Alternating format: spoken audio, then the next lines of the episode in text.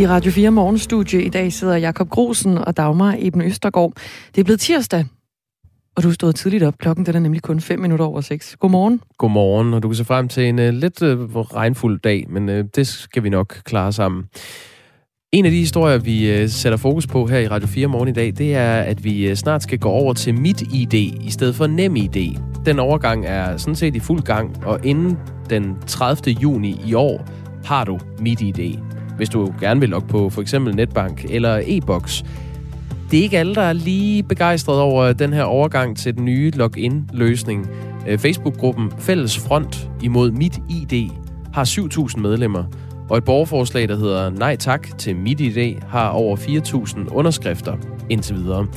Klokken øh, 20 minutter over 6 taler vi med en af dem, der ikke er særlig glad for at skulle øh, overgå fra NemID til MitID. Men det er altså en god og sikker løsning. Det mener i hvert fald en professor ved Institut for Elektroniske Systemer, som vi taler med klokken øh, cirka 25 minutter i 8. Og vi vender også de bekymrede borgers spørgsmål med vicedirektøren i Digitaliseringsstyrelsen, som står bag mit ID sammen med de danske banker. Det er klokken 7 minutter over 8. Og her må du gerne byde ind på øh, 1424. Start beskeden med R4 et mellemrum. Har du modstand mod øh, det her at skulle overgå fra NemID til MidiID, eller passer det øh, bare dig rigtig godt? Skriv ind og fortæl, hvor du står og hvorfor, gerne på sms'en til os. SAS' bagagepersonale de meddelte kort efter klokken 10 i aftes, at de genoptager arbejdet i dag. Det skete efter SAS havde stillet et øh, ultimatum til deres bagagemedarbejdere, som udløb et minut i midnat. SAS havde øh, via et brev gjort klart, at de betragtede det som en opsigelse, hvis medarbejderne ikke mødte op efter vagtplanen i dag. Men strække har øh, tidligere været et effektivt middel over for SAS, det fortæller arbejdsmarkedsforskeren, som uddyber, hvorfor det ikke lykkedes den her gang. Det kan du høre mere om klokken 10 minutter i syv. Bag ved kampen om øh, medaljer og nye rekorder under VM Vinter-OL i Beijing gemmer sig også kampen om at have det bedste udstyr. Det handler om stoffets struktur i dragten, eller skienes smøring, eller skøjternes slipning. Det kan nemlig være med til at give de afgørende tiende dele af sekunder og millimeter, der skal til for at øh, få guldmedaljen i hus. Og vi kommer til at tale med en øh, præstationsingeniør fra Team Danmark. De har nemlig sådan en, som arbejder med at udvikle udstyr til danske eliteudøvere. Det bliver klokken øh, 25 minutter i syv. Og så kan vi lige som en øh, servicemeddelelse sige, at øh, det danske herrelandshold i ishockey lige nu spiller mod øh, Letland ja, i 8. delsfinalen. Der er fart på. Pukken den flyver rundt på banen. Lige nu der står det øh, 2-1 til Letland. Ja, Danmark kom foran 1-0, men mm. øh, Letland har altså bragt sig i front nu, og vi kommer også til at følge den her kamp. Vi skal nok holde opdateret. Den kører på en skærm herinde i studiet. Men vi ligger altså ud med konflikten i Ukraine. Ja. En invasion af Ukraine kan komme inden for 48 timer. Sådan lød det i går fra den øh, britiske premierminister Boris Johnson. Og samtidig gentog den danske udenrigsminister Jeppe Kofod sin opfordring til alle danskere om at komme ud af Ukraine så hurtigt som muligt. Der bliver dog stadig arbejdet på højtryk for at få den her øh, krise under opsejling under kontrol. Og i går hvilede rampelyset øh, særligt på den nye tyske kansler Olaf Scholz, som besøgte Ukraines hovedstad Kiev. Mads Anneberg er vores øh, europakorrespondent og med fra byen Lviv i det øh, vestlige Ukraine. Godmorgen, Mads. Godmorgen. Tror ukrainerne, at øh, Olaf Scholz kan løse den her krise? Mm. Altså, der er flere medier, der har kaldt det her sådan en form for sidste chance for diplomatiet i den her øh, konflikt. Det skal man nok passe lidt på med at konkludere, at, at det skulle være den aller sidste chance. Og det er i hvert fald heller ikke sådan, at ukrainerne opfatter det. Øh, jeg var på gaden i går for at spørge folk, øh, hvad tror I, at Olaf Scholz kan løse krisen? Og jeg måtte bare konstatere, at det var meget få af dem, der egentlig vidste, at Olaf Scholz var i, i landet. Altså det er ligesom om de fleste ukrainere går ikke op botaniserer i, hvem der er hvor i det her større kludetæppe af vestlige politikere, der lige nu forsøger at løse den her krise på kryds og tværs. Men de håber selvfølgelig alle sammen inderligt på en, en fredelig løsning. Og en af dem, jeg talte med, det er øhm, en, øh, en kvinde ved navn Ilona, som bor her i Lviv. Og jeg spurgte, om hun altså, sådan generelt har tiltro til, at de vestlige politikere kan løse øh, krisen. Uh, hopefully yes, but we don't know. So maybe someone will help us, but firstly we need to help us by ourselves. Ja, hun siger forhåbentlig ja, men vi ved det ikke. Måske vil nogen hjælpe os, men først og fremmest er vi nødt til at, at kunne hjælpe os selv. Øh, Mads Anneberg, det er jo sådan, at Rusland har opstillet omkring 130.000 tropper på grænsen til Ukraine. Den russiske regering nægter, at den øh, planlægger et angreb, men stiller samtidig krav til Vesten om blandt andet at udelukke, at Ukraine nogensinde på noget tidspunkt kan blive medlem af NATO.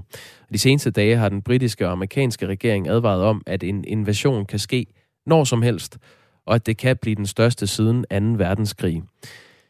Den tyske kansler øh, Olaf Scholz har jo fået kritik for ikke at være klar nok i mailet over for Rusland. Øh, hvorfor egentlig det?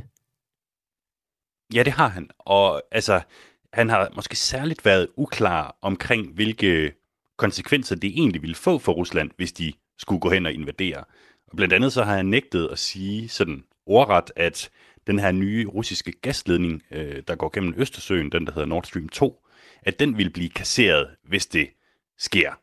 Og han har altså fået kritik både i tysk presse og udenlandsk presse for at være usynlig, simpelthen, i begyndelsen af, krisen. Og læg sig dertil, at tyskerne ligesom af historiske årsager har nægtet at eksportere våben til Ukraine. Så man kan sige, her i landet, der får man sådan et indtryk af, og jeg har talt med flere, som siger, at Tyskland, de har måske lidt for tætte forbindelser til Rusland efter, efter deres smag. Men det gør det jo også bare så meget desto vigtigere, at Tyskland er på deres side i konflikten. Så der bliver virkelig holdt godt øje med Olaf Scholz, den tyske kansler, øh, fra alle sider, når han nu ligesom prøver at rette lidt op på det her image, han har fået som værende usynlig, ved at besøge øh, altså Ukraine i går, og i dag tager han så i øvrigt videre til, til Vladimir Putin i, øh, i Moskva. Og øh, det her med, at han ligesom kommer, kommer på besøg her, det kan man faktisk godt bare i sig selv se som noget positivt, øh, at, han, at han dukker op og viser støtte til Ukraine. Det mente i hvert fald en af dem, som jeg talte med i går ved navn Ola. From my point of view, the German in the Europe, they have their lobbyist of the Russian interests uh, due to that Nord Stream 2 and all of that. They are really tied uh, together with the Russia and, uh, and their politics. And they try to defend to defend them as well, just to receive the, economical benefits.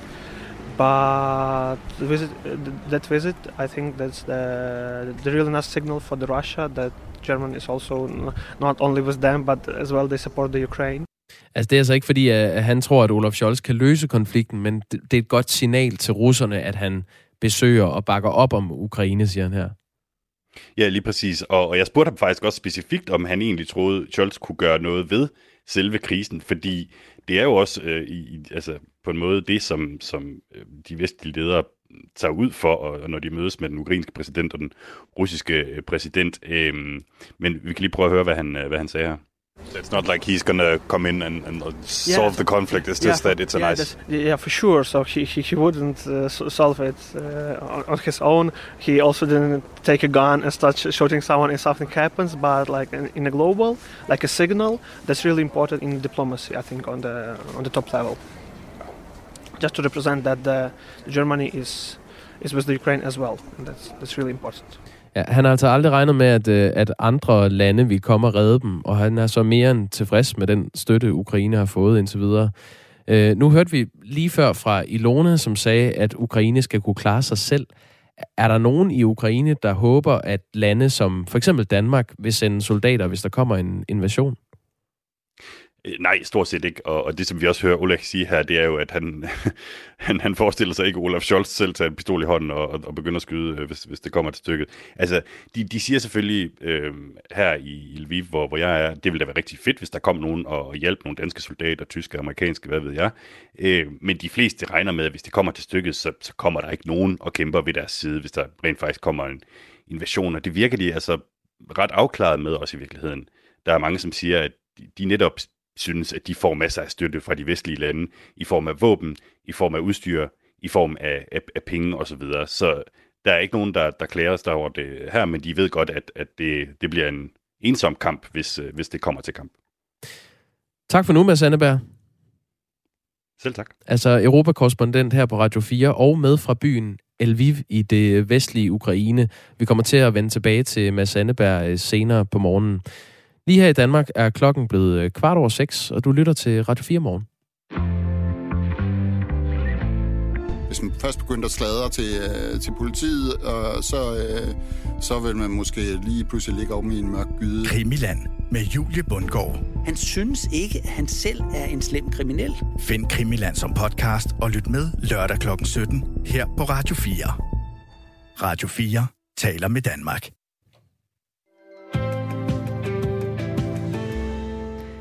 Inden den 30. juni i år, der er du overgået til mit ID. I hvert fald, hvis du i forvejen har nem ID, altså sådan et login til digitale selvbetjeningsløsninger, såsom netbank og e-boks. Men det er altså ikke alle, der er lige begejstrede ved tanken om at overgå til mit ID, og nogen vil faktisk helst være fri. Facebook-gruppen Fælles Front mod Mit ID har 7.000 medlemmer, og borgerforslaget, der hedder Nej tak til Mit ID, har over 4.000 underskrifter. En af dem, der ikke har lyst til at overgå til Mit ID, det er dig, Isabella Nastasia Kaufmann. Godmorgen. Godmorgen. 35 år, og så arbejder du på Frederiksberg Kommunes døgnrehabilitering. Hvorfor ønsker du ikke at få mit ID? Om jeg synes simpelthen, det er for besværligt og uoverskueligt alt sammen, og skulle til at sætte sig ind i alt det nye og lave om på en masse ting i mit liv, for, for bare at kunne komme til mine informationer og min økonomi. Det, det er unødvendigt, synes jeg. Hvor mange ting skal du lave om på, føler du? Jamen, altså først så skal jeg jo ned og få styr på et pas i sig selv. Og så skal jeg jo så til at have en ny dims, hvis ikke jeg skal have det installeret på min telefon. Og det, jeg har nu, det virker fint for mig. Og så, så ved jeg ikke alt sammen, skal jeg ned og snakke med borgerservice, og jeg skal jo også ned i banken og få styr på en masse ting. Jeg har ikke alt sammen fået sat mig ind i det nu, fordi jeg simpelthen ikke kan overskue det. Hvorfor er det, du ikke kan, kan overskue de her, øh, de her forskellige ting, du lister op? Det er så mange nye ting, man skal sætte sig ind i hele tiden. Jeg synes, det er unødvendigt, virkelig. Øh, jeg har besvær nok i mit privatliv med alt andet, hvad der foregår. Ting bliver ikke nemmere. Min mormor, der ligger og er syg og får dødslejet, og alt det, der følger med, og ja, med min hjerneskade, der bliver ting bare hurtigt uoverskuelige og besværlige. Nu nævner du også en masse ting fra, øh, fra dit privatliv, som altså også går, går ind og, og, og gør det besværligere for dig at få, få sat gang i den her transition over til, til mit ID, men det er jo, der er jo stadigvæk tid endnu. Det er jo først 30. juni i år, at der er, kan man kalde det deadline. Øh, tror du ikke, du kan nå det inden da? Forhåbentlig. Altså, nu finder jeg ud af det. Øh, måske, måske ikke. Øh, tiden flyver hurtigt for mig. Øh, her forleden kunne jeg ikke engang logge på med min net, på min mobilbank, uden at jeg så skulle bruge mit nem det igen. Så jeg tænker, at det snart alligevel overgår. Det er det. Ja.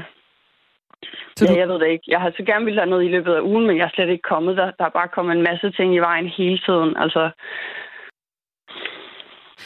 du nævner også her, øh, Isabella Nastasia Kaufmann, at, at du har en hjerneskade. Hvad, hvad, hvad ja. betyder den for, for, for at, at det bliver svært for dig at komme ind på, på NemID? Mit idé, undskyld. Nå, men det tager mig, hvad skal man sige, hvis jeg skal til at lære en ny ting at kende, så, øh, at kende, så skal jeg bruge hvad, 500 gange på det. Det er egentlig først herinde for de sidste par år, at jeg har vendt mig til at logge ind på e-boks og sørge for at få læst mine beskeder og reagere på de beskeder, der er der, og, og egentlig få det implementeret i min hverdag, så jeg får det til at virke. Så at skulle gøre en masse ekstra ting ved siden af, for bare at kunne opretholde den hverdag, jeg har nu, det, det kræver så meget mere af mig, at, at skulle ned og få, få organiseret det ind i alle de andre ting, jeg skal. Nastasia Kaufmann, det lyder som om, at du øh, sådan har nogle, nogle udfordringer ved at øh, sådan omstille dig til, at der skal ske noget nyt og sådan noget. Men der, der en lytter der her, der skriver, at det tager simpelthen tre minutter at få øh, mit idé til at virke. Øh, tror du mest, det, det er dine sådan personlige øh, udfordringer ved at, at omstille dig til at skulle bruge en ny løsning, øh, der fylder her, eller tror du reelt, det er et problem fra at gå fra, fra NemID til MitID, der, øh, der, der er hovedsagen her for dig? Så jeg ved, der er mange andre, der heller ikke kan overskue gøre det, som heller ikke har udfordringerne. Det der med, at man skal sætte sig ned i, ind i tingene. Sådan, der er en masse ting, man skal læse på. Der er en masse rettigheder, man skal skrive under på. Um, så det er fordi, jeg har jo stadigvæk mit pap nem idé, så der er åbenbart lidt flere trin, jeg skal igennem. Jeg ved, min kæreste, han havde bare nøglekortet på mobilen, så for ham, der var det forholdsvis nemt at skifte over. Ja, men det kunne du så, også bare få. Ja, det er jo det, men så skal jeg så først til at få det, og så skal jeg så til at få det andet. Så ja, man kan jo godt sige, jo, for nogle er det jo bare, men for mig er det ikke bare. For mig er det faktisk angstprovokerende at skulle til at forholde mig til alle de her nye ting, og begynde at gøre alle de her nye ting. Og jeg synes også, at vi er i gang med at splitte befolkningen på den her måde. Altså, der er masser af mennesker, som slet ikke kan komme til det. Hjemløse for eksempel, folk, der ikke har internet. Øh, det er jo, ikke, det er jo langt fra kun mig. Men ja, hvis du har udfordringer, du har en hjerneskade og ikke har mange ressourcer, så bliver det bare ekstra bøvlet. Altså det er rigtigt nok, at der, der er en Facebook-gruppe, der hedder Fælles Front mod øh, MitID, der har 7.000 medlemmer, og så er det det her borgerforslag, som indtil videre har fået 4.000 underskrifter. Men når du siger, at der, at der er mange, der har det ligesom dig, og at øh, befolkningen er ved at blive splittet, hvad bygger du så det på? Jamen, det kan du allerede se, den er på en eller anden måde. Der er jo rigtig mange, der er imod det af alle mulige årsager. Øhm, men som de siger, det der, for eksempel hjemløse, de kan jo slet ikke komme til nem idé, de kan slet ikke komme til deres informationer, de kan ikke handle på nettet. Jeg tænker, hvordan får de overhovedet penge fra folk, når de kører over MobilePay? Øh, I sidste ende, så er det næsten også uoverskueligt. Hvis jeg skulle melde mig helt ud af det her, så ved jeg jo ikke engang, hvad jeg alt sammen frasiger mig. Jeg, kan vel ikke, jeg vil ikke kunne bestille en burger og få den leveret hjem til min dør. Jeg vil ikke kunne handle på nettet jeg vil ikke kunne komme ind på min sundhed og se, om jeg får de indkaldelser, jeg rent faktisk skal få, som jeg ikke får. Altså, i sidste ende, så synes jeg bare, at vi var i gang med at skabe et system, der gør tingene mere komplicerede end nødvendigt er. Egentlig så burde det bare kunne være til i hverdagen med sin økonomi og med sine informationer jo være simpelt. Men det bliver det bare mindre og mindre, synes jeg.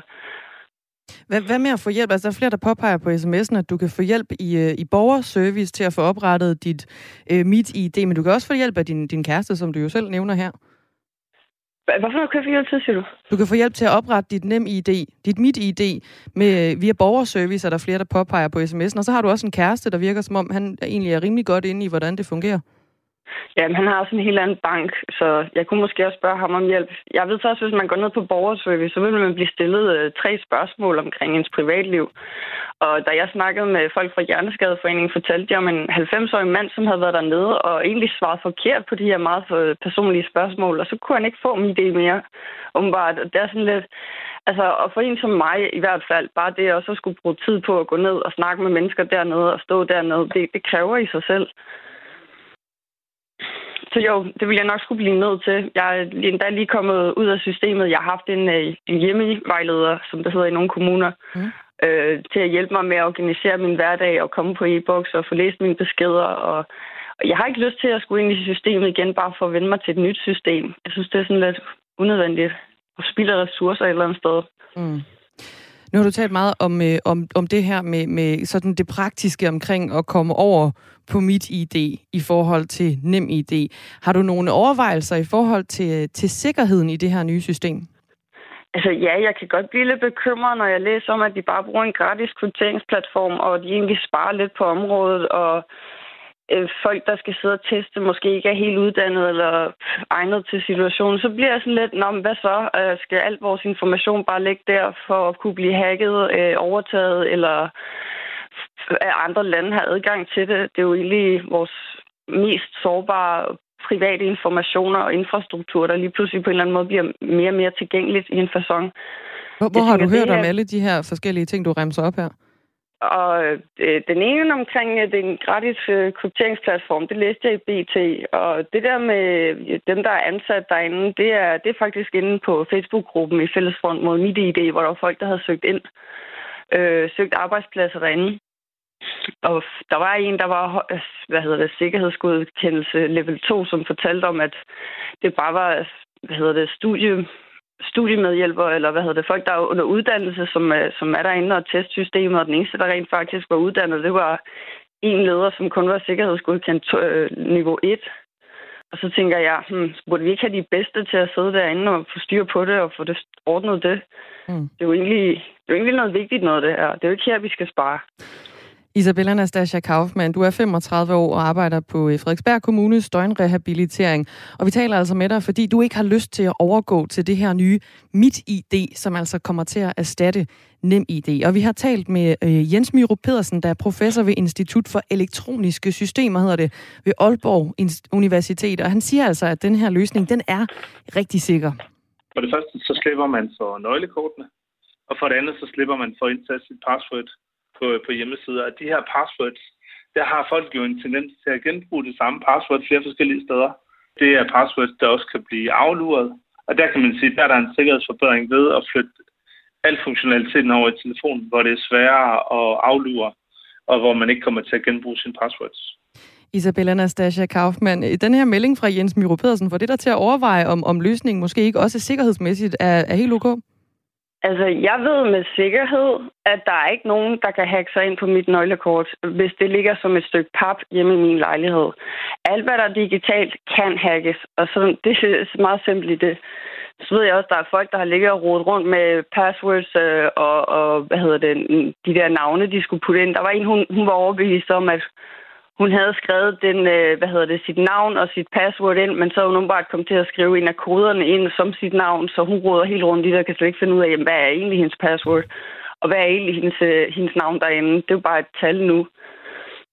Så nej, jeg ved ikke, jeg er ikke helt overbevist, desværre. Men de har sådan set også en løsning på det her med, at, at man frygter, at det bliver, det bliver helt digitalt, fordi mit ID-kodeviser kan man nemlig få. Det er sådan en lille øh, enhed, der viser en indgangskode, som man indtaster, når man skal bruge sit mit ID.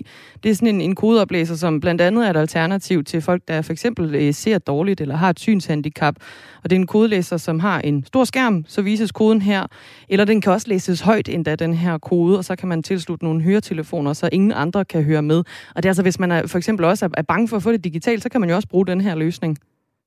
Jamen, der er også folk, som simpelthen ikke engang kan læse tal eller forstå tal. Hvad gør de så? Jeg, jeg har hørt om en, hun blev nødt til at navngive tal for dyr, for rent faktisk at kunne forstå den. Øhm, så man skal lidt tage øh, højde for, at folk har forskellige udfordringer og bliver nødt til at tilpasse sig det liv, som der egentlig virker bedst for dem. Og des mere, des mere specifikt man gør et system, des mere udelukker man de her mennesker for at kunne gøre noget, der virker for dem.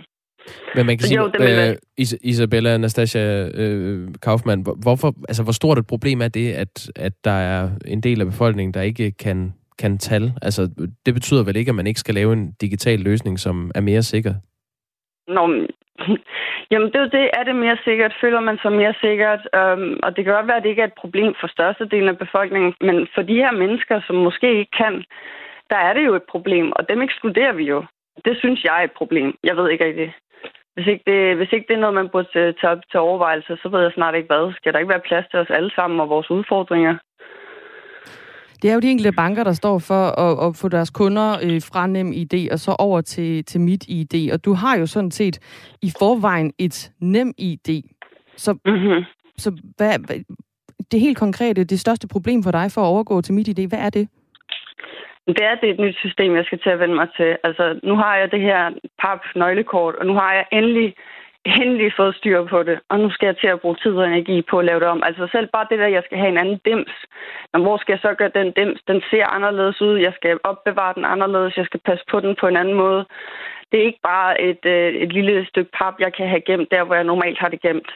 Det, øh, det kan jeg ikke putte derind. Nu skal jeg finde en anden måde at gøre det på. Og bare det alene kommer til at kræve så meget af mig øh, af ekstra af, af energi og bekymringer og tankekraft. Og hvis ikke man har meget, og selv hvis man har meget, så kan det godt kræve, og jeg synes, det er unødvendigt, at vi skal bruge så meget ekstra energi på bare at opretholde en hverdag. Det skal vi da bruge på at udvikle os og komme nogle andre steder hen her i livet. Tak, Isabella Nastasia Kaufmann, fordi du var med her i morgen. Her til morgen. Tak fordi jeg måtte være med. Vi har også øh, spurgt øh, digitalisering, Digitaliseringsstyrelsen, hedder det, hvor mange der har fravalgt Smit ID indtil videre, men det er altså svært at sige, fordi man ikke ved, om det bare er tidsfristen, der er overskrevet. Fra Digitaliseringsstyrelsen, der øh, lyder et svar sådan her. Vi har ikke et specifikt tal på, hvor mange der har overskrevet tidsfristen for at skifte fra NemID til MitID. Når brugerne får besked eller bliver promptet i deres net- eller mobilbank, har de 30 dage til at få MitID. Det vil sige, at der kan pt. gå op til 30 dage fra en NemID-bruger første gang får besked til vedkommende migrerer til MitID. Har en bruger ikke nået at overgå fra NemID til MitID, Inden tidsfristen den er udløbet, vil brugeren ikke kunne benytte bankens selvbetjeningsløsninger, før migreringen den er gennemført. Ja, og det her det skal altså ske inden 30. juni der skal man være overgået til Der skal man være overgået til det her, fordi ellers så bliver man altså udelukket jo fra, kan man sige, sådan øh, det digitale Danmark, så er man altså ikke øh, længere, øh, ja, så har man ikke længere mulighed for at modtage for eksempel digital post fra det offentlige. Og, og man kan godt blive fritaget fra det her, men det kræver altså, at man kan opfylde nogle kriterier. Øh, blandt andet, hvis man ikke har adgang til en computer med tilstrækkelig internetforbindelse i sit hjem eller på sit opholdssted. Hvis man har en fysisk eller kognitiv funktionsnedsættelse, som hindrer en også i at modtage digital post, eller man er blevet hjemløs. Det er bare nogle af de forskellige kriterier. Der er kommet en god stak sms'er, dem tager vi efter nyhederne. Klokken er blevet halv syv.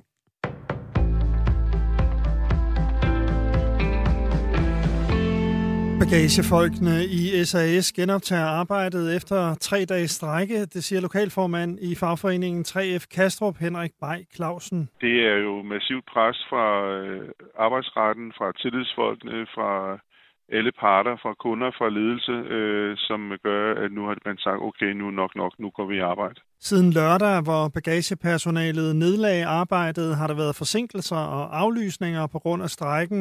Det er faldet sammen med en travl rejseuge, der mange har vinterferie. Bagagefolkene har strækket, fordi de er utilfredse med deres arbejdsvilkår. To gange har de fået indskærpet i arbejdsretten, at de skulle genoptage arbejdet. I aftes kom det frem, at SAS vil betragte det som en opsigelse fra medarbejdernes side, hvis de valgte ikke at møde op som planlagt i dag. Medarbejderne har ikke umiddelbart fået noget ud af strækken, siger lokalformanden. De har fået nogle dyre lærepenge øh, øh, det må man sige. Og så håber jeg, at de uanset hvad, kan finde hinanden nu og kan få set på nogle af de øh, vanskeligheder, de har, øh, så de får et godt samarbejde. Regeringen har fået opbakning til yderligere bidrag til NATO's afskrækkelsesmission over for Rusland i Ukraine-konflikten.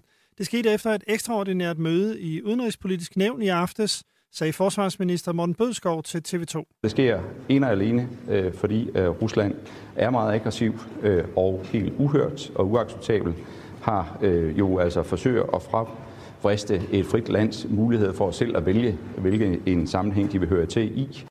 Danmark bidrager i forvejen med to F-16 kampfly, som står på Bornholm. 7-800 soldater er desuden samlet i Slagelse. De står klar til udsendelse, hvis det bliver nødvendigt. Alle håber på, at dialogsporet vil øh, fortsætte, men øh, det har været godt at få en bred opbakning til, at hvis der er behov, ja, så kan Danmark øh, bidrage yderligere til at styrke NATO's afskrækkelsesaktiviteter. USA's udenrigsministerium beder amerikanske statsborgere i Hvide Rusland om at forlade landet øjeblikkeligt. Årsagen er den russiske militæroptrapning langs Hvide Ruslands grænse til Ukraine. USA har samtidig ændret rejsevejledningen for Moldova. Her frarådes amerikanere at rejse til, blandt andet på grund af den russiske trussel. I går sagde den amerikanske udenrigsminister Anthony Blinken, at USA frygter, at Rusland kan angribe Ukraine allerede de kommende dage. Vi er dybt bekymrede for, at Rusland kan gribe ind over for Ukraine allerede i denne uge, sagde Blinken til en fransk tv-station. Ensomhed og modløshed har præget flere samtaler hos børnetelefonen i 2021. Det viser en ny analyse af knap 2700 samtaler med børn og unge om coronakrisen. Ensomhed topper listen over de hyppigste årsager til coronaopkald. Næsten hver femte opkald handlede om det. Børne- og ungeforsker ved Aarhus Universitet, Helle Rabøl Hansen, har arbejdet på et forskningsprojekt om ungdomsliv i en coronatid. Jeg har aldrig mødt så mange unge, der har reflekteret så direkte over ensomhed, som under anden coronabølge, siger hun. Tallene vækker også bekymring hos børns vilkår, der driver børnetelefonen – det er faktisk et signal om, at der skal gøres noget aktivt for at samle en gruppe op, der lider af eftervirkningerne, siger direktør i organisationen Rasmus Keldal. Først på dagen lidt sol, men i løbet af formiddagen... Nej, først på dagen lidt regn. Sådan var det. Men i løbet af formiddagen kan der komme sol 5-7 grader og jævn til frisk vind fra sydvest.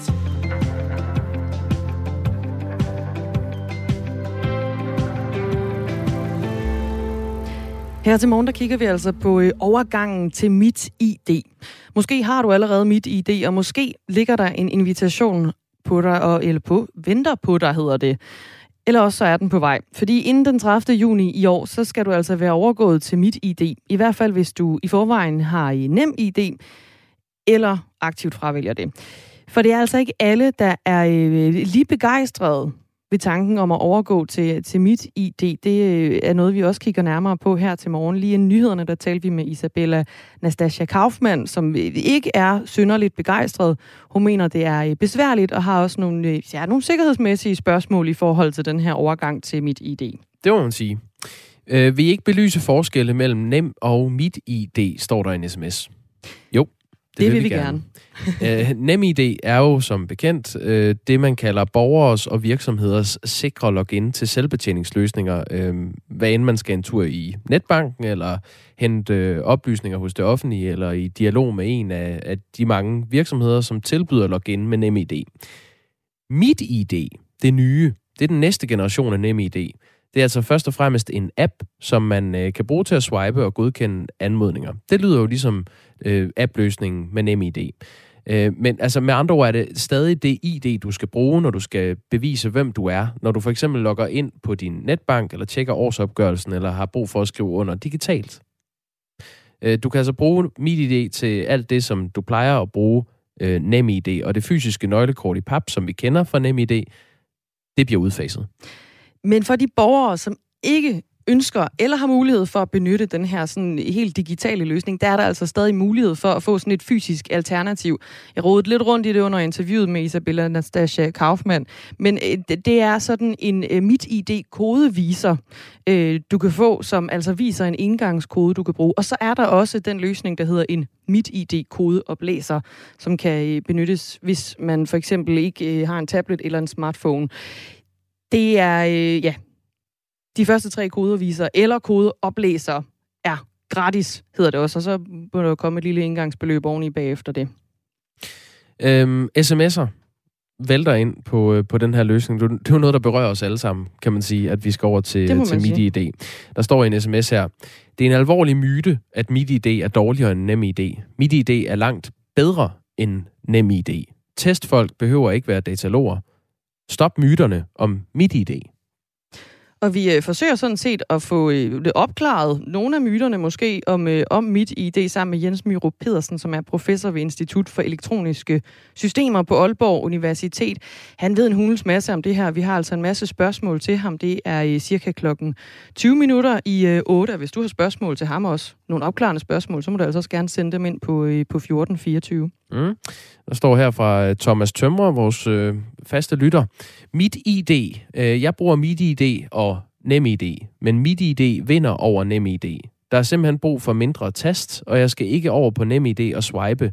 Det er nemlig inkorporeret i mit ID. Skal overgangen fra NemID ikke bare betragtes som en opgradering og vedligeholdelse af den digitale signatur, som vi bruger? Ligesom at man maler stakittet, eller skifter vinduer og andet isenkram ud i det daglige, skriver Bo fra Østerbro. Hvad de færreste ved, så betaler det offentlige penge til bankerne, hver gang du bruger NemID. MitID er en stor forbedring af identifikationskontrol. Du skal hverken i banken eller på kommunen. Det tager tre minutter at få MitID til at virke. Ja, der er flere, der påpeger, at man altså ikke skal i banken for at få lavet det her skift. Det tager seriøst ikke mere end 5 minutter. Det er ligesom at handle i fakta.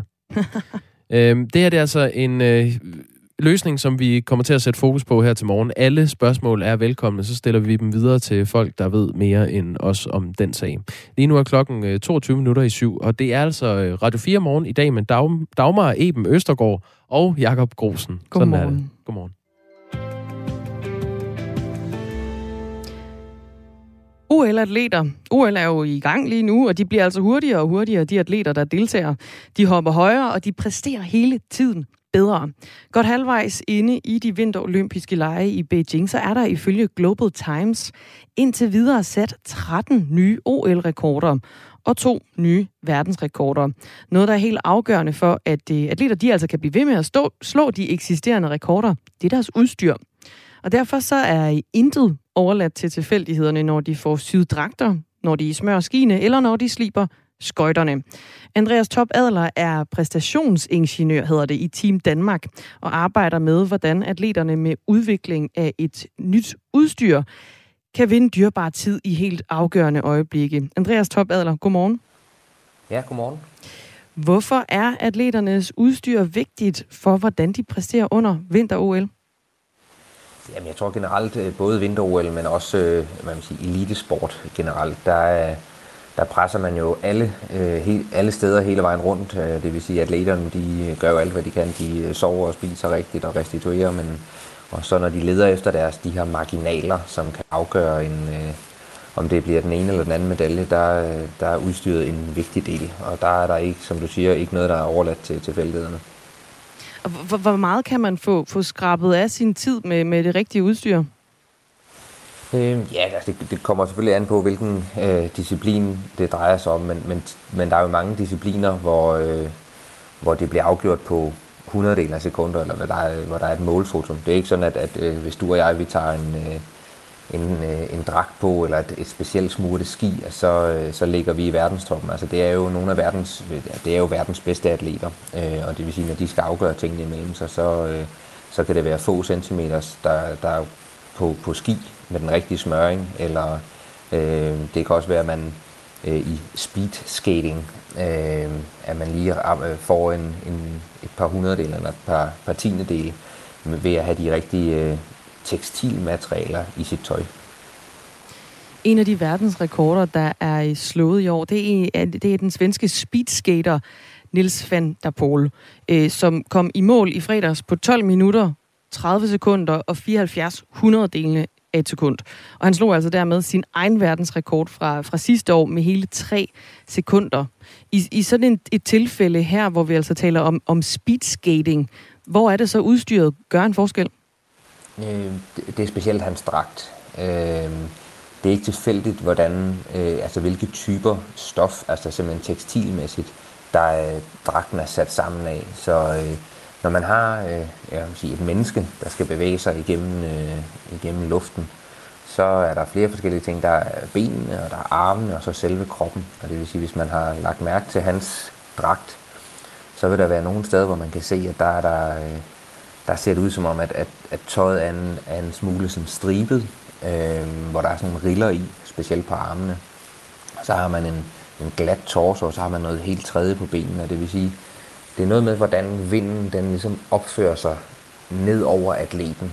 Øh, og alt afhængig af, hvor, hvor tykt et element, så det vil sige, en arm er jo noget tyndere end et ben. Og øh, når vinden skal rundt om armen eller rundt om benet, så, øh, så kan man altså benytte sig af forskellige typer af tekstil, om det er nubrød eller glat eller rillet. Og man kan bruge syninger som sådan ligesom en strategisk måde, hvor man, man kan få vinden til ligesom at og det, der hedder separere, eller hvad man siger, den laver ligesom nogle små spring ned over atleten. Øh, og det er noget, man virkelig har gjort noget med meget ved i øh, de sidste år, både i speedskating og i sådan noget som øh, banecykling, som jo er en, en sommersport. Mm. Øh, der, der er strikse regler for øh, atleters tøj og udstyr jo også under, under OL.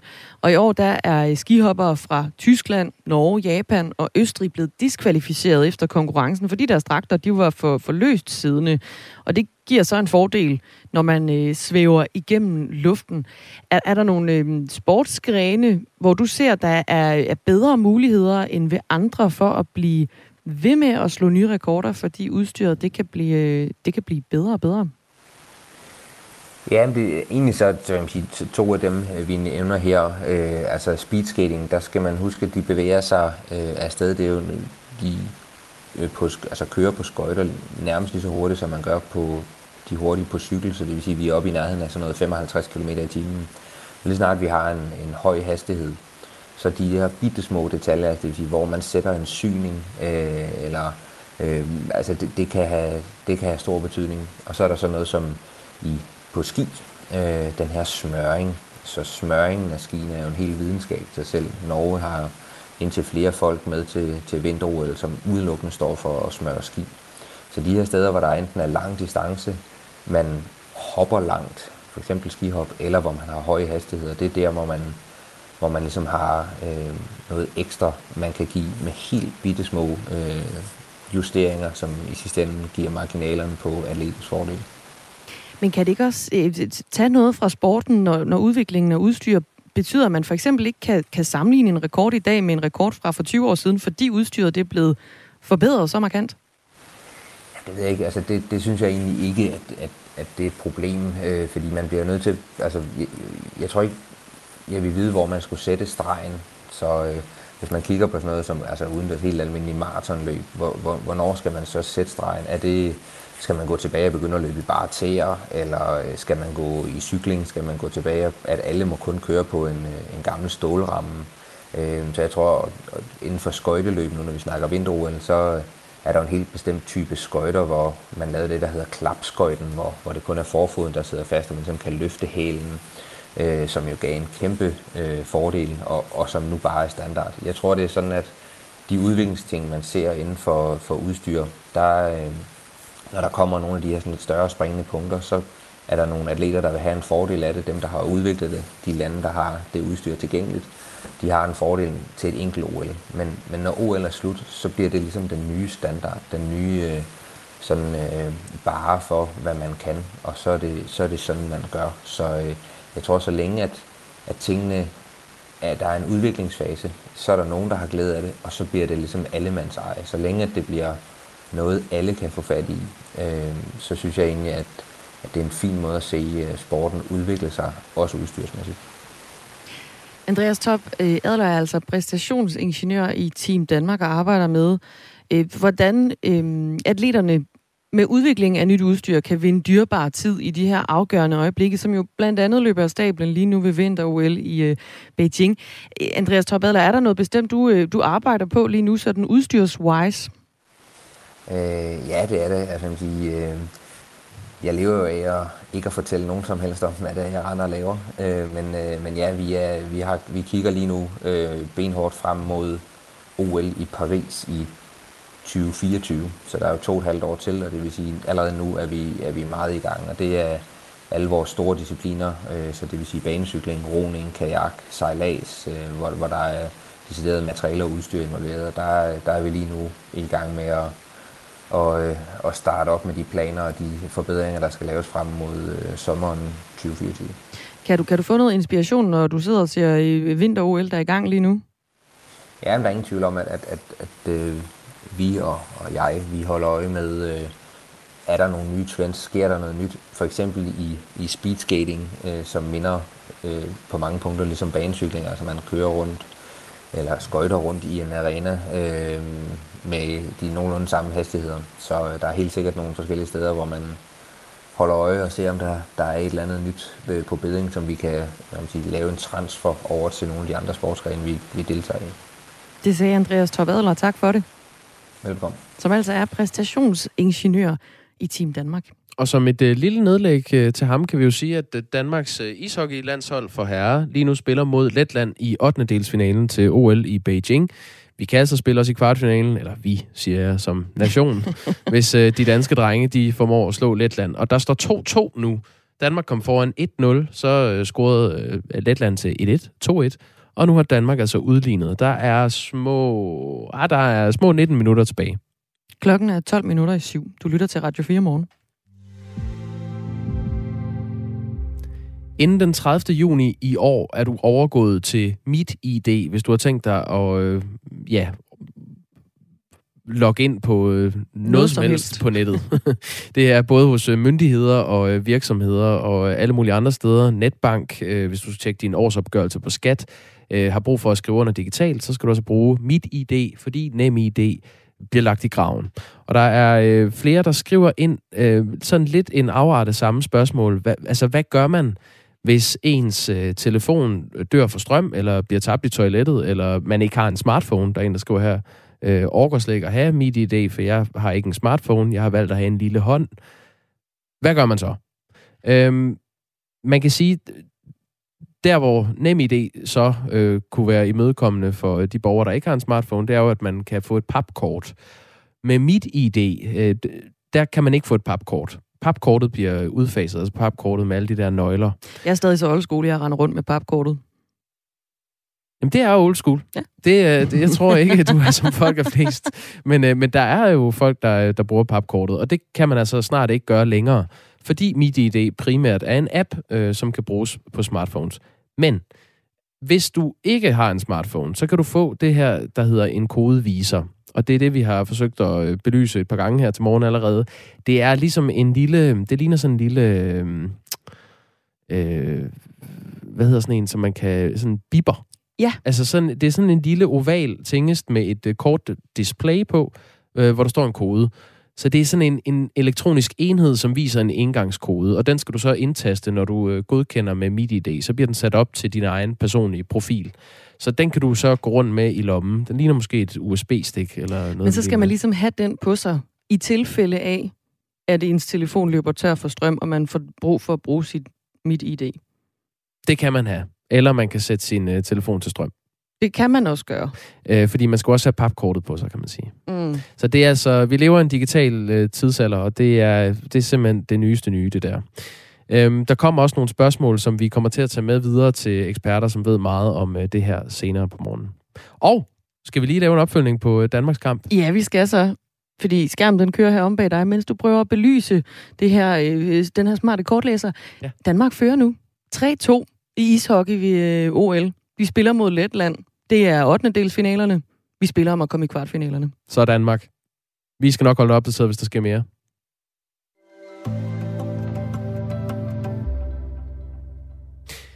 Nu skal det handle om øh, bagagehåndteringen eller mangel på samme i Københavns Lufthavn. SAS bagagepersonale meddelte i går, det var kort efter klokken 10 i aftes, at de kommer til at genoptage arbejdet i dag. Og det var ikke helt frivilligt. Det øh, skete efter, at SAS havde stillet et ultimatum til øh, bagagehåndteringsmedarbejderne. Det her øh, det var en deadline, som udløb ved midnat. Og SAS havde via det her brev, som de havde sendt til bagagemedarbejderne, gjort klart, at de så det som en opsigelse, hvis medarbejderne ikke mødte op efter vagtplanen i dag. Så hvis man ikke klart tilkendegav utvetydigt, at man mødte ind på arbejde, som man skulle i dag, så kunne man se sig selv øh, som fyret. Sådan her kommenterede formand for 3F i Kastrup, Henrik Bay Clausen, den beslutning. De har fulgt den øh, indstilling, de har fået fra deres tillidsrepræsentanter. De har besluttet at genoptage arbejdet, og det er jo fra deres egne folk, det er fra deres fagforening, det er fra arbejdsretten, det er fra deres arbejdsgiver, fra arbejdsgiverforeningen. Der, der, der har været et stort pres på dem for at sige, at nu er det slut. Og det blev det så også. Sten Nauerbjerg er arbejdsmarkedsforsker på Forskningscenter for Arbejdsmarkeds- og Organisationsstudier på Københavns Universitet. Godmorgen, Sten Nauerbjerg. God. Godmorgen. Det virker som et uh, dramatisk greb, det her at, at tro med fyring eller opsigelse. Hvorfor gjorde SAS det? Ja, det er jo et godt spørgsmål, men vi har altså set en forhistorie her de senere år, hvor SAS har øh, haft en relativt øh, hård tilgang til, til arbejdsnedlæggelser og strækker. Det så man også ved nogle, en pilotstrække i 2019. Dengang var det en, øh, en lovlig strække, det vil sige, det var i forbindelse med nogle overenskomstforhandlinger, øh, men der gik SAS meget, meget sent ind i forhandlingerne og, og stod meget stejlt, indtil det lykkedes at finde en løsning ved hjælp af øh, en forlismand. Øh, så der er noget, der tyder på, at, at man altså vælger den lidt hårde vej i, i forhandlingerne her. Øh, fra SAS side. Det var også en overenskomststridig arbejdsnedlæggelse, der kom fra bagagehåndteringsmedarbejderne. Så det, det er sådan en ret hurtig konfliktoptrapning, man ser her. Ja, det er det. Og, øh, men altså, det er jo også en, en overenskomststridig øh, øh, arbejdsnedlæggelse, som du siger. Ikke? Og det vil så sige, så kan modparten jo også godt tage lidt hårde midler i, i brug. Øh, men man kan jo selvfølgelig godt undre sig lidt over, øh, hvorfor man, man går så hårdt til værks her, når det samtidig også koster penge på begge sider. Det koster rigtig mange penge, når flyene bliver forsinket, og man skal betale øh, til kunderne osv. Men det er jo en branche, der har været udsat for for meget hårde vilkår de sidste, øh, ikke bare under coronaen her, men også inden coronaen, hvor der kom lavprisselskaber ind, som skulle konkurrere mod de traditionelle selskaber som SAS og så videre. Øh, og der er jo altså kun et sted at spare efterhånden. Flyene koster det samme, brændstoffet koster det samme. Det, der er tilbage at spare på, det er jo i virkeligheden personale på den ene eller anden måde. Vi, vi kender jo ikke detaljerne i konflikten, og hvad det konkret er, medarbejderne er utilfredse med. Øhm, der har været øh, øh sådan rygter om, at det handler både om løn og arbejdsvilkår. Øh, men hvordan vil du vurdere den situation, der er i SAS nu, øh, siden de endte i den her konflikt? Jo, men altså SAS er jo presset på alle lederkanter. Øh, coronaen har gjort det, men lavprisselskaberne gør det også. Lavprisselskaberne øh, er faktisk kommet en lille smule bedre ud af coronaen, end SAS øh, er, når man ser på, hvad de har af andele i lufthavnen. Øh, så man er jo stadigvæk nødt til hele tiden at forhandle sig til bedre vilkår. Du og jeg øh, betaler stadig mindre og mindre for billetterne, hvis vi kan komme afsted med det. Øh, så det, der måske mest bliver problemet i virkeligheden, det er jo så tillidsforholdet mellem ledelse og medarbejdere. Der har været en tradition i SAS for, at der har været rigtig gode relationer tilbage i, i 1980'erne og 90'erne, og de bliver jo, dem bliver der jo slidt på, hver gang der sker en nedskæring, hver gang der bliver skåret i løn eller, noget, eller arbejdsvilkår. Hvad lægger du i, at det netop er bagagepersonalet hos SAS i øh, Københavns Lufthavn, der nedlagde arbejdet, og ikke andre funktioner eller personalegrupper? Ja, det kommer an på, hvilken gruppe, der lige føler sig øh, mindre godt behandlet i en bestemt periode. Men altså bagagemedarbejderne har jo en, en øh, stor styrke ved, at de kan sætte det hele i stå. Der er jo bestemte funktioner i samfundet, og det gælder også renovationsmedarbejdere øh, og, og, sådan, og, og forskellige former for transport. Ja. Sundhedspersonale for den sags skyld, øh, togfører. Når de lukker ned en halv time eller en time, så koster det for hele resten af dagen nærmest. Øh, så derfor har man jo selvfølgelig en enestående mulighed for at, at, at gribe ind her.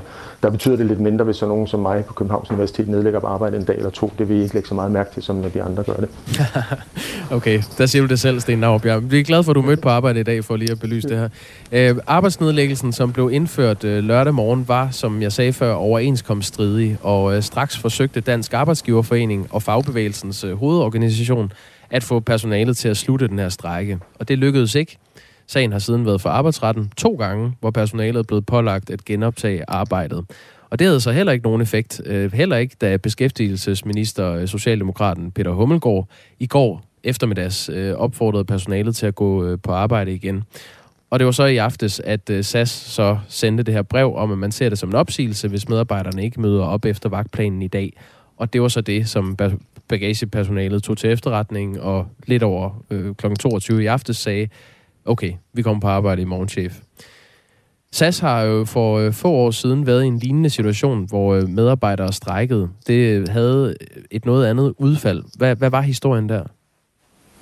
Jamen, det handlede om, at øh, piloterne opsagde en aftale, og det kunne de gøre, fordi overenskomsten udløb.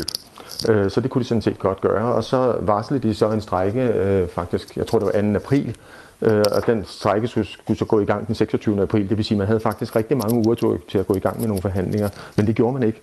Man begyndte faktisk først at forhandle to-tre dage i strækken.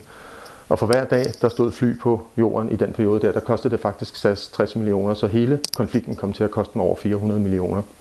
Øh, så det var en lidt anden situation, fordi den, den jo ikke var overenskomststridig. Men ikke desto mindre illustrerede den måske lidt relationerne øh, var ikke så gode mellem parterne her. Øh, og SAS ville altså gerne statuere et eksempel, at der skulle skæres ned i den her periode. Hvorfor var det, at øh, bagagepersonalet, svært ord, ikke lykkedes med det så med, med deres øh, arbejdsnedlæggelse? Jamen, de står jo selvfølgelig i en lidt dårligere situation, fordi den er overenskomststridig, øh, arbejdsnedlæggelsen. Så, så det er jo i hvert fald en af pointerne, at, at SAS kunne også bruge et lidt hårdere middel, nemlig at sige, at vi bliver simpelthen fyret, hvis I ikke går tilbage på arbejde. Så det er helt givet været en af, en af dimensionerne. Der kommer jo selvfølgelig også et pres fra parterne, altså både øh, øh arbejdsgiver og arbejdstagernes organisationer, siger jo, at I skal simpelthen tilbage på arbejde, I skal respektere den danske model. Så det er jo lidt op ad bakke, når, når de organisationer, som også repræsenterer parterne, siger, at det her, det dur simpelthen ikke, I, I skal tilbage på arbejde. Nu er konflikten jo næppe løst med, at, øh, at den her øh, ground handling group i, i SAS møder ind på arbejde igen, altså dem, der håndterer kufferter, der, der kommer ind fra rejsende. Øhm, hvad, hvad er SAS situation efter den her konflikt, som du ser det? Jamen altså, de vil jo til stadighed blive nødt til at prøve at finde nogle besparelser på forskellige steder, og som jeg også nævnte før, så det er jo altså ikke rigtig muligt at gøre på prisen på flyen eller på brændstoffet, som jo stiger i øjeblikket for, for rigtig mange af os. Øh, så der er kun det tilbage at forhandle med personalet, opnå noget mere fleksibilitet, øh, og måske øh, også forhandle på lønnen. Men det er jo en evig udfordring. Der er jo ingen af os, der bryder os om at få dårligere forhold. Vi forventer jo i et velfærdssamfund, hvor tingene går bedre og bedre, vi hører økonomien, den ruller frem, at det også går lidt bedre for os. Så det er bare svært at forhandle nedad hele tiden. Øh, men det er altså en branche, der er så hårdt presset. Den er i et internationalt marked. Øh, I andre lande der er arbejdslønningerne helt anderledes, arbejdsvilkårene er også helt anderledes. Øh, og det er altså det, man ligger og konkurrerer med i et super internationaliseret system, som flytrafikken er. Sten Nauerbjerg er altså arbejdsmarkedsforsker på Forskningscenter for Arbejdsmarkeds- og Organisationsstudier på Københavns Universitet, og var med her i Radio 4 morgen. Det skulle du tak for. Jamen, det var så lidt. Der er kommet en sms fra Rasmus fra Vordingborg. Godmorgen, Hår. Håber, at bagagefolkene har lært noget. Ikke fordi jeg tror det. De har flere gange gjort det over, nogen, over en latterlig grund. For eksempel var der en ingeniør, som havde et studiejob i sommerferien, der havde en anden fagforening for et par år siden. Men det var ikke godt nok for dem. Han blev troet med jungleloven, selvom vi har fagforening frihed i Danmark. De har vist glemt, at de har ødelagt manges vinterferie for nogle latterlige grunde. Skam jer. Og det var Rasmus fra Vordingborg. Så er der en, der spørger, hvad tjener de her øh, bagagefolk? Øhm, I sommer øh, meldte øh, SAS ud, at øh, der kom en ny lønmodel for de her bagageportører, som øh, titlen øh, officielt hedder. Øh, De havde før en bruttoløn på 31.562 kroner. Den bruttoløn blev sænket til 28.371 kroner.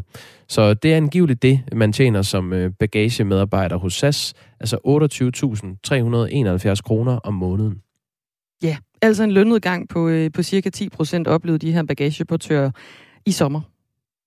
SAS har sandelig også gjort deres til, at deres personalegrupper i de nederste lag må føle sig tværet ud en gang imellem, øh, er der også en lytter, der skriver. Det øh, er en historie, vi øh, også holder øje med her til morgen. Lige nu skal vi have nogle nyheder med Henrik Møring. Klokken er syv.